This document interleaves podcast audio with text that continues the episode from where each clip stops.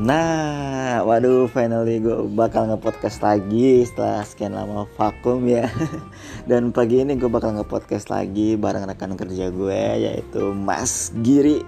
Yang di mana beliau ini uh, lulusan um, S2 ya, dia udah banyak lah pengalaman kerjanya gitu. Dan kita bakal tanya-tanya tentang pengalaman kerja dia yang tentunya semoga dapat berguna buat kita terkhusus buat teman-teman yang pengen bekerja di lapangan atau di jadi anak kantoran aja nah langsung aja nanti kita bisa cerita di sini yo stay tune thank you Waalaikumsalam Bang Nopri, kenalin saya Giri. Halo, halo. Aduh, aku. Giri. Ya, teman-teman jadi ini uh, teman gua Mas Giri ya. Mas Giri dari mana Mas Giri tadi? Dari kantor. Dari Sini. kantor. Oh, Anda bolos ya. Spesial. Anda bolos ya. Nah, yang penting ya bawa emblem ininya aja, emblem. Jangan disebutin Jangan kantor sebut. kita di mana ya. Yang jelas Iya. kita di Rawamangun. di Romangun. Iya bener banget karena eh, nggak boleh dikasih tahu mas Kasih Karena tahu, kita iya. bahaya Bahaya. karena kita oh yang ngomongin masalah kantoran nih mas Hmm. Eh, lu lu udah kerja ya Kerja, alhamdulillah kerja. sama oh iya kan kita satu kantor Satu ya kantor. Cuma beda pertanyaan kerjaan. bodoh ya Punya bodoh tapi lucu. Hmm. Terus eh, ngomongin pekerjaan nih kayaknya kalau gua lihat nih dari eh, muka lu nih lu kayaknya udah banyak pengalaman kerja nih mas. Ya, alhamdulillah sih itu kan dipercaya di beberapa kerjaan. Wih, tahan dulu dong, tahan dulu jangan Oke. dikasih tahu. Eh, Klik bayatnya ini nih. Clickbaitnya ini nih. Tapi emang eh, kalau ngomongin kerjaan nih mas, Hmm. kan anak-anak zaman sekarang tuh pada milih-milih kerja nggak sih? Iya Lu betul. gini, Itu ngerasain milih-milih. Ngerasain. Gue juga dulu zaman masih idealis lah gitu kan. Nah itu apalagi yang kayak anak-anak baru ya kan kayak misalnya Hmm. baru eh, selesai jadi sarjana gitu ada milih-milih pekerjaan biasanya mas Betul. Egonya masih kuat. egonya masih kuat padahal selepas dari sarjana nganggur. Nganggur gitu kan. Selamat datang di dunia di dunia nyata. Selamat gitu. datang di dunia nyata. Makanya kalau habis wisuda tuh kayak wes selamat wisuda gitu ucapannya. Eh, selamat datang ya di dunia nyata gitu. Nyata. emang selama ini dia hidup di dunia lain mas seperti itu khayalan jadi Oh, pada saat dia oh. kuliah ah mimpi gue begini jadi zaman kuliah mereka mikir ah gue pengen ngegebet cewek pada kerja gue pengen ngegebet cewek modal lo apa Oh, gitu. gitu. pada saat lo kuliah modal hanya IPK gitu kan Hmm, nah, aduh kalau ngomongin IPK nih udah paling males lah ya nah Kayaknya IPK lo gede dulu ya? oh, enggak juga Berapa mas? Eh, yang pasti di atas 3 IPK gue Wih, Yang- berarti pinter dong. pintar alhamdulillah eh, dua degree saya saat ini Wih, aman aman ya, Ada degree. Oh iya, lu, lu S2 ya mas ya? iya S2 Nah, jadi gue senang banget teman-teman hari ini karena eh, Mas Giri ini selain dia udah nyelesain S1, dia juga nyelesain S2. ya Jurusan apa mas? S2 strategi bisnis Strategi bisnis. Oh, makanya tadi lu bilang lu udah banyak lah pengalaman kerja ya. ya Nah itu dia mas, gue pengen nanya nih sama lu nih ngomongin masalah pengalaman kerja. Hmm. Eh, yang gue bilang tadi kalau anak-anak zaman sekarang tuh kalau kerja tuh pada milih-milih iya nah oke tapi ada juga yang pada milih kayak oh gue males ah kerja di situ karena di lapangan Nah, ada itu juga yang milih kayak Hmm. ah nggak apa-apa gue kerja lapangan orang gajinya gede Oke. kan ada ada dua yang pro sama kontra nih Ya. Dan dilema itu itu sebenarnya. dilema dan Oke. gue juga sempet ngerasain mas kayak dulu Hmm. kayak eh, ya kayak gue kan dulu sempet kerja lapangan juga ya Hmm. menurut gue sih biasa aja sih Biasa. Cuma gue pengen tahu dari lu nih sebagai pakar. Hmm, praktisi sebenarnya. Kalau pakar saya di ya jangan boleh Oh, sebut beda ya. beda Takut ya? takut kontra. saya Oke, praktisi. oke, oke. Praktisi lah ya. Praktisi. Nah, menurut lu sendiri mas, eh, menurut lu enakan kerja itu di indoor atau kantoran atau di luar sih? Kan banyak jenisnya nih pekerjaan. Hmm. Oke, kalau untuk pekerjaan sih sebenarnya semuanya enak. Cuma dari mana karakter kita dan kenyamanan kita untuk bekerja. Oh, I Oke, see. pertama itu dulu yang harus dipegang. Kedua, memang sih kalau untuk masalah kerjaan kita lihat juga ke kit- diri kita, ego kita senangnya lapangan atau di eh, office. Oh, Ya. itu mempengaruhi juga. Mempengaruhi karena kan faktor kenyamanan untuk bekerja, terus semangat untuk bekerja itu ada di mana. Oh, Kita dilihat kepada diri kita lalu diimplementasikan pada pekerjaannya. oh, I see. Cocok nggak karakter kita? Makanya itulah gunanya tes psikologis dari suatu perusahaan. Oh, gue baru tahu nih mas. Ah, Gitu. Berarti eh, tes psikologi itu untuk mengetahui ya, mengetahui hasrat, minat dan bakatnya asal dia. dan bakatnya. Tapi lu pernah dengar gak sih mas kalau ada yang namanya istilah Hmm. hobi yang dibayar adalah adalah pekerjaan yang terbaik. Nah itu dia, itu gue setuju karena Nah. saat ini gue ngalamin juga. Oh, I see. Walaupun gue kerja Emang hobi lo apa sih? fotografi. Oh, I see. Fotografi. tadi lu moto-moto ya sebelum Iya. ini. Dan itu menghasilkan lagi, Amam. Terus gimana gimana lo hobi, hobi. oh hobi yang dibayar. Hobi yang dibayar. Jadi ya namanya hobi yang dibayar kita ngejalanin tapi tanpa mengganggu jadi pekerjaan utama kita ya. Jadi maksudnya pekerjaan yang di Oh iya kabar-kabarnya lu pernah moto-moto ini juga ya kak event-event gede gitu ya? Iya, event-event gede. Terakhir lu moto Smackdown ya? kalau? Bukan Smackdown, oh, kemahalan Smackdown waktu itu di Oh, iya. One FC. Oh, iya, One FC. FC. One FC beda. One FC itu buat teman-teman yang belum tahu tuh apa tuh? Mas? One FC itu Asia Pasifik levelnya. Oh, I see. Tarung bebas. Itu yang punya orang Jepang apa Thailand Oh, gitu. kayak. MMA gitu ya. MMA. Bebas dia bisa ninju, bisa mukul, bisa ngapain aja ya. Bebas. Dan lu jadi fotografer di situ. Fotografer di situ. Oh.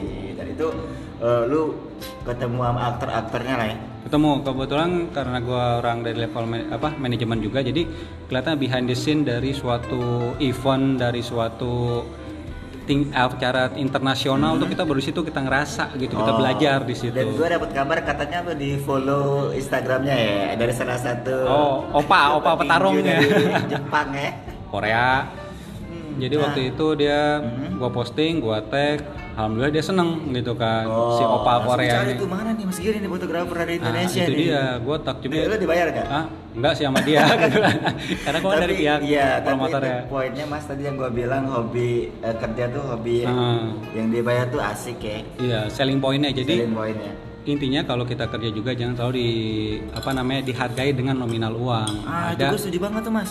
Kenyamanan dan kebanggaan itu dulu kita Asik, pegang. apalagi anak-anak sekarang nih kayak Hmm. baru tamat, aduh, ayo kerja yuk ikut gua gitu. Hmm. Agak gajinya kecil. Nah, itu dia. kayak milih-milih pekerjaan berdasarkan salary mas gitu padahal Nah, pengalamannya nggak ada Betul. Nah, itu dia makanya yang gua bukannya bilang gua nggak seneng ya, cuma yang jadi di- idealismenya anak-anak yang baru lulus terutama mohon maaf ya saya ngomong agak kasar Hmm. S1 dia pengen bekerja sesuai dengan bidangnya dia karena gua udah kuliah sesuai dengan minat gua. Gue pengen kerja dong sesuai dengan minat gue itu dilemanya. Pada saat di lapangannya kadang pekerja itu tidak sebanyak apa yang kita pelajarin. Ya. karena makanya di situ kita butuh soft skill sama keahlian lain untuk mendukung pekerjaannya kita. Itu Jadi yang buat penting. pesannya buat teman-teman yang baru selesai sarjana Nah. kalau ada pekerjaan sikat aja mas ya. Sikat aja dulu. Yang penting jalanin dulu lo ada pengalaman kenapa karena dunia kerja itu tidak akan memakai orang-orang yang fresh Oh. realitinya itu aslinya nah gue kasih contoh nih mas Hmm. misalnya ada perusahaan yang mau Hmm. menerima satu karyawan ya operan Oke. rekrutmen nah yang oke. satu ini tamatannya SMA mas tapi Oke. dia udah bekerja di banyak perusahaan gitu Wah, ini Dan seru nih, oke. Ini ada sarjana S1 Hmm. fresh graduate Oke. yang bener-bener baru sudah nah kalau lu sebagai seorang HRD Hmm. eh, lu bakal milih yang mana nih Oke, pertama gue bakal minta dulu dia bikin CV-nya dulu. Pertama CV, terus gue lihat juga dari faktor usia itu menentuin juga ya. oh gitu Faktor usia, background ekonominya dia, sorry, agak sedikit bukan background ekonomi dalam arti kenapa dia nggak sekolah, kenapa dia memilih bekerja, oh, seperti jadi itu. tetap jadi ini Itu juga kita ya? melihat, itu kan karakter kita Oh, pelajari.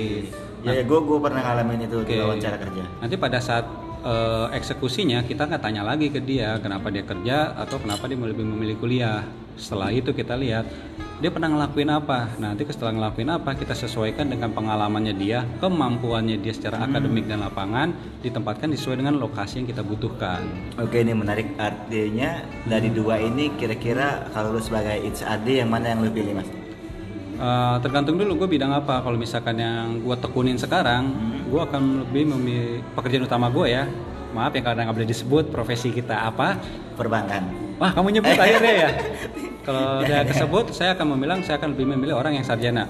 Oh Oke, sarjana ya. sarjana. Walaupun dia tidak ada pengalaman kerja mas. Itu dia karena Why why? Oke, ini menarik karena walaupun kita udah sarjana nggak punya pengalaman, tapi kita butuh basic akademis nih orang gitu kan. Oh I see. Ya, Ya, walaupun ya, itu ya. orang anak teknik sekalipun juga pasti dia akan ada namanya belajar namanya maaf ya eh, agama atau apa untuk mendukung pola pikirnya dia Oh, artinya di eh, da- ketika dia berada di sivitas, sivitas akademik itu dia udah ngalamin banyak Iya. inilah ya. Gemblengan minimal dia tuh belajar pola pikir Pola tapi pikir itu yang nggak bisa dibeli ya. bisa itu nggak bisa dibeli. Nah, kalaupun kalau yang orang lapangan tapi kurang pendidikan, mohon maaf, Iya. itu bisa walaupun kita tempatkan di perbankan, saya lebih memilih dia tempatin kayak bagian teknis. Oh, teknis misalkan see. untuk bagian umum atau bagian sales di mana Iya. butuh keterampilan sama intuisi yang kuat seperti itu. Oh, artinya Mas Oke. eh, lu meskipun pendidikan lu mohon maaf istilahnya Hmm. rendah tapi lu punya pengalaman banyak lu nggak usah takut ya. Usah takut. Bakal ada perusahaan-perusahaan yang juga membutuhin lu sesuai dengan bidang atau skill yang udah lu dapetin. Tuh. Dan itu juga nggak mutlak ya. Jadi walaupun kalian itu berkuliah, tapi Iya, harus ada juga buat yang buat yang sarjana tadi ya, Nah, yang yang saja itu hebat dulu. Jangan merasa hebat. Kalian ambil les-les lah, minimal tuh bahasa Inggris. Bahasa Hmm. itu pasti dipakai. Kedua, Apalagi bahasa Senegal dong. wah Senegal. Diterima tuh di Senegal. Apalagi bahasa Wakanda gitu kan. Ah, Waka-waka. diterima. Hah? Agak juga.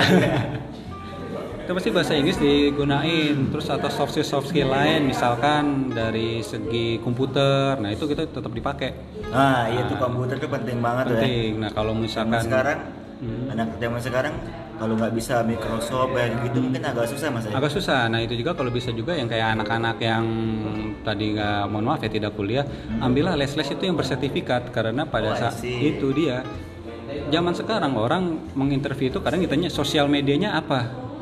Oh iya, Nah. Itu- itu mas kayak zaman sekarang nih perusahaan tuh maksud gue tuh kenapa Tuh. sih lu mau eh, ngambil rekrutmen Hmm. eh, ngasih tahu dulu kayak lu punya sosial media nggak?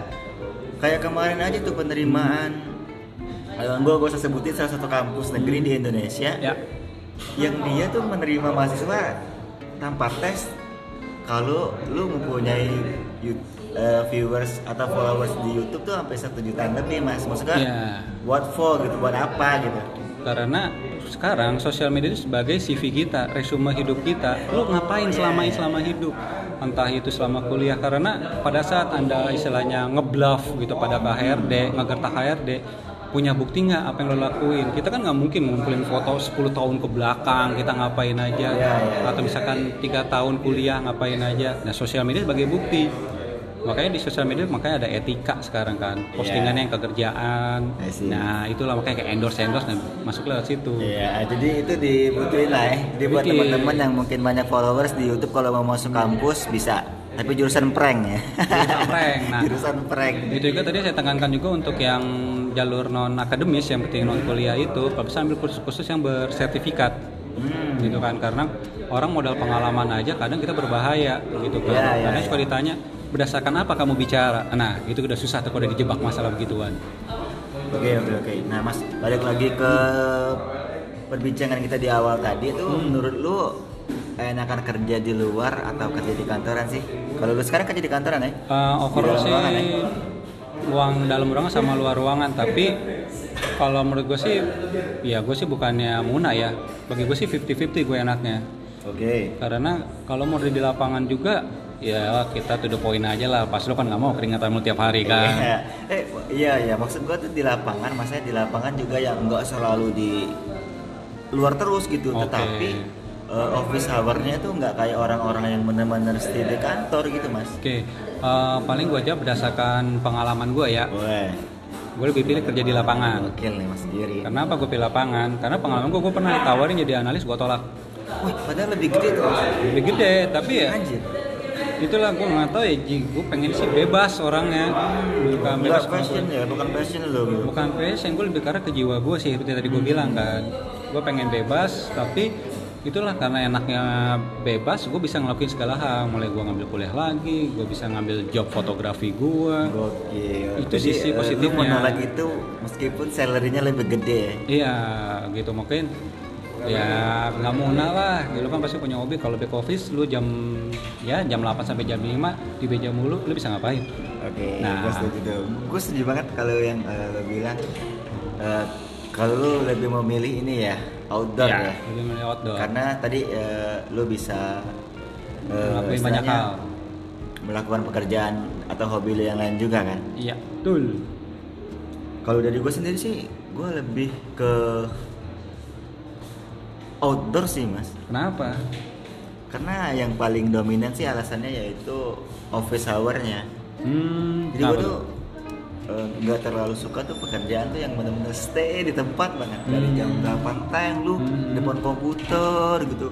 Sampai main Zuma lo tuh Zuma kali. Zuma. Masih ada Zuma? masih ada. Buset, kayaknya Onet masih ada juga lagi. lu, apa sih game yang Oh. kayak yang di masih di Pentium 4 tuh dulu. Zuma ini onet onet onet yang ada kayak eh, pesawat antariksa luar Antariksa gitu. Galaga Galaga itu. Galaga orang lama banget. Nah gitu. Jadi lebih ke kayak ya itu Mas. Jadi jam kerjanya juga gua bisa memanage sendiri gitu. Hmm. Kalau lulus kantor kan bener-bener lu yang harus absen jam sekian, Ya. pulang jam sekian lu nggak bisa ke mana-mana gitu. Tuh, mungkin sih kalau gue pengen tambah juga segala tahu kerja mau indoor kayak mau di Hmm, nah, itu outdoor juga itu terga- ada tanggung jawabnya dari masing-masing. Ya. Kita harus tanggung jawab pada diri kita, pekerjaan dan jangan lupa, tanggung jawab pada keluarga dan orang tua, jangan lupa Tuhan. Nah, Betul. itu. Nah, ada juga nih Mas, eh, gua baca di beberapa artikel nih Hmm. yang gua cari juga gitu, Hmm. enakan kerja di luar kantoran atau kantoran ya. Hmm. Ada juga yang melihat dari beberapa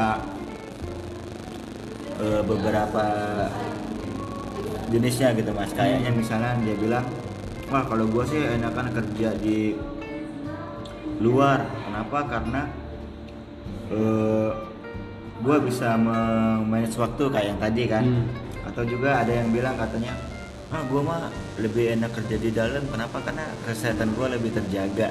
Oke. menurut lu gimana mas? Eh, itu lagi gue bilang lagi tadi. Itu balikin lagi kepada dirinya dia. Kalau memang dia prinsip seperti itu ya kita ya nggak apa-apa. Cuma eh, tips dari gue keluar dari zona nyaman. Kalau memang kalian zamannya ya itu di saling eh, poinnya di zona nyaman, zona ya. nyaman. Jika kalian ngambil di zona nyaman nyamannya memang di eh, nggak apa namanya di jalan atau non office kadang harus masuk ke office karena sorry to say beberapa manajer atau level manajemen itu udah nggak ada di lapangan lagi. Oh, kalau kalian mengejar karir bahkan dia bisa istilah anak sekarang tuh work from home. Home. Nah itu kadang lo tinggal di rumah, Mas, ya? kerja di rumah. Gue kayak contoh lah adik gue gitu kan. Hmm.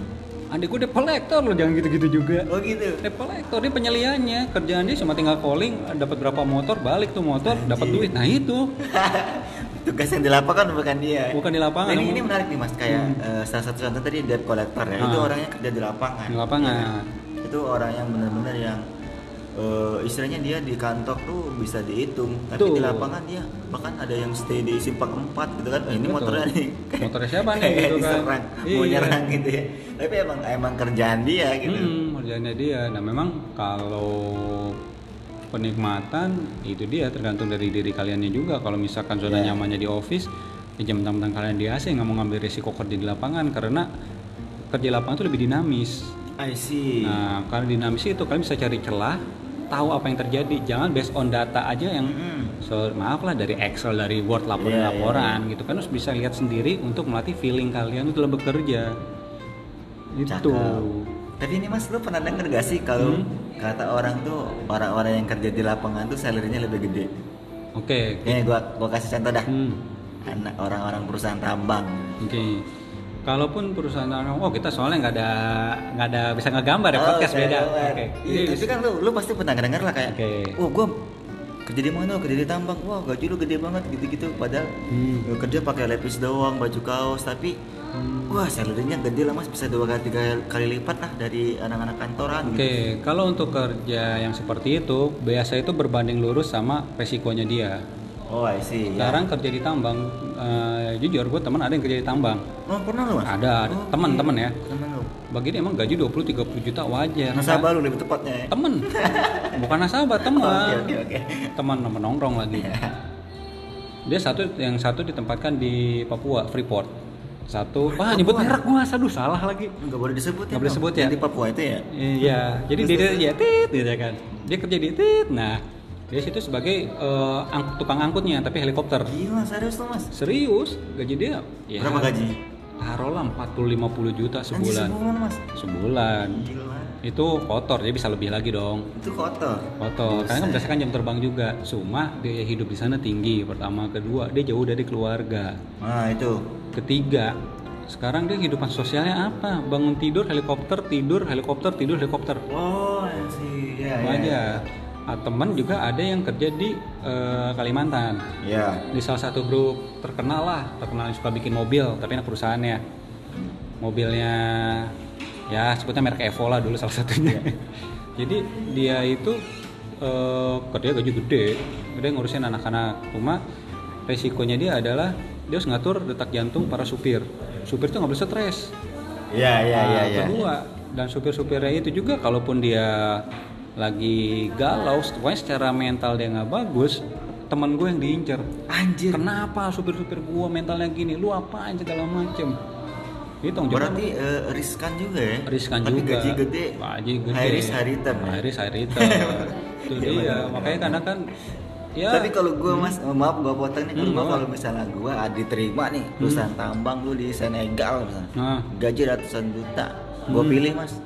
kenapa lo berani mempertaruhkan kehidupan sosial lo pertanyaan awal tuh pasti seperti itu Iya, gue gue pilih. Tapi gue pilih gue buat ngambil modalnya doang mas. Jadi gue gue kerja setahun dapat duit 1 m, gue balik ke Indo ya kan. Eh, Satu m lu kalau kerja kantoran berapa puluh tahun mas? Nah itu dia makanya kan balik lagi ke resiko. Kalau misalkan ya ini cerita pengalaman aja. Kalau lu udah berkeluarga, siap gak anak istri lu ditinggal? Oh iya itu maksudnya kalau udah berkeluarga ya. Keluarga. Kalau lo sendiri, ya gue sih aja pergi mau hidup mati gue tanggung jawab gue. Yang penting orang tua Ya gue tadi kabarin. eh, statement gue tadi kalau gue belum nikah mas. Nah, kalau gue udah nikah kayaknya gue eh, kantoran saja Eh, tapi hati-hati. Kalau lu sendirian, lu kerja jauh. Lu tadi kerja di mana? Senegal. gue kerja di Senegal nih ngelepasin eh, ban traktor misalnya. Oke, lu kerja di Senegal. 100 juta lu bisa lu bayangin nggak? Lu bisa kawin kapan di sono? Oh iya iya, masa ya gue ke Wakanda dulu ya? Nah itu kan, lu taruh lima tahun lu di Senegal, lu mau ngapain di situ gitu kan? Lu semua murni kerja, oke. Atau ntar lu kerja, terus nanti lo nikah gitu kan di Indonesia, terus lu balik lagi. Banyak pertimbangan sebenarnya mau kerja. Ya, ya, ya, ya. Seperti itu. Karena gue juga punya temen kayak yang kata lo tadi mas Nah. di Papua, tapi teman gue di Kalimantan. Oke. Gajinya gede mas, Hmm. jujur gajinya jauh lah di atas kita gitu. Tapi ya kerjanya pulang setahun sekali, Nah itu dia. itu lama pulangnya gitu. Dan Oh. pulang juga kayak, Nop ajakin gue ke mall Nop.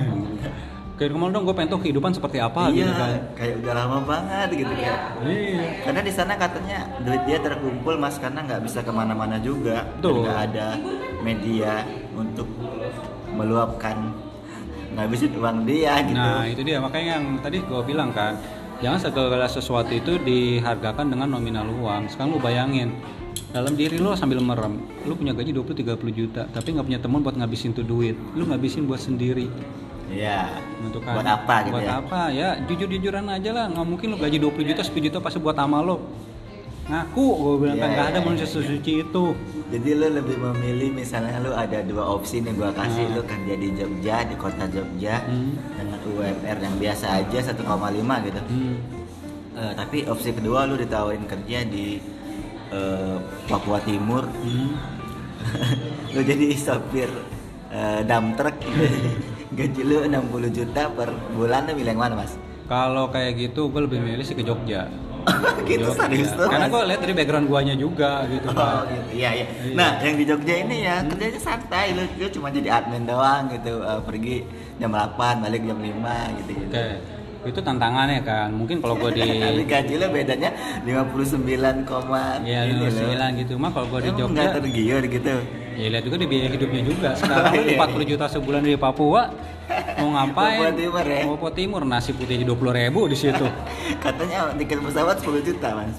Bisa lebih Bisa gitu. lebih? bisa lebih itu kan tergantung harga pasar juga kan kan lihat juga kalau di kayak di Jogja lu ada pertimbangan lagi kan biaya hidup lo juga di sana seperti Ya, apa ya, kan ya. nah makanya plus minus jadi nggak mutlak kerja lapangan itu enak nggak mutlak kerja office itu enak Hmm, seperti itu iya. balik lagi pada diri lu Balik sendiri lagi ke diri kalian Betul. masing-masing. ya. iya Waduh, Mas ini menarik banget nih, Mas. Hmm. Menarik banget nih. Dan karena kenapa gua ngebahas ini karena teman-teman tuh yang baru lulus atau juga yang udah ber- berpengalaman tuh pasti masih mencari jati diri lah ya Hmm. gue nih kayaknya orang kantoran apa apa orang eh, pabrik ada kan orang lapangan lah istilahnya gitu Iya, kan iya, iya.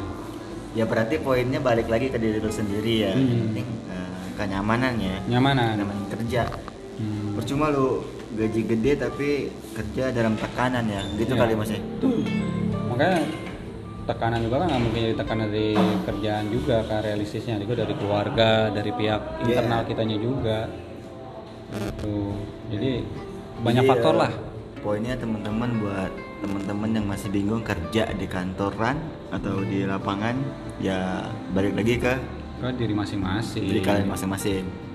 Tapi buat lu nih teman-teman eh, kalau gua lempar pertanyaan yang sama sama Mas Giri kalau lu disuruh milih kerja di ujung samudra dengan gaji miliaran tapi nggak pulang-pulang selama 2 tahun.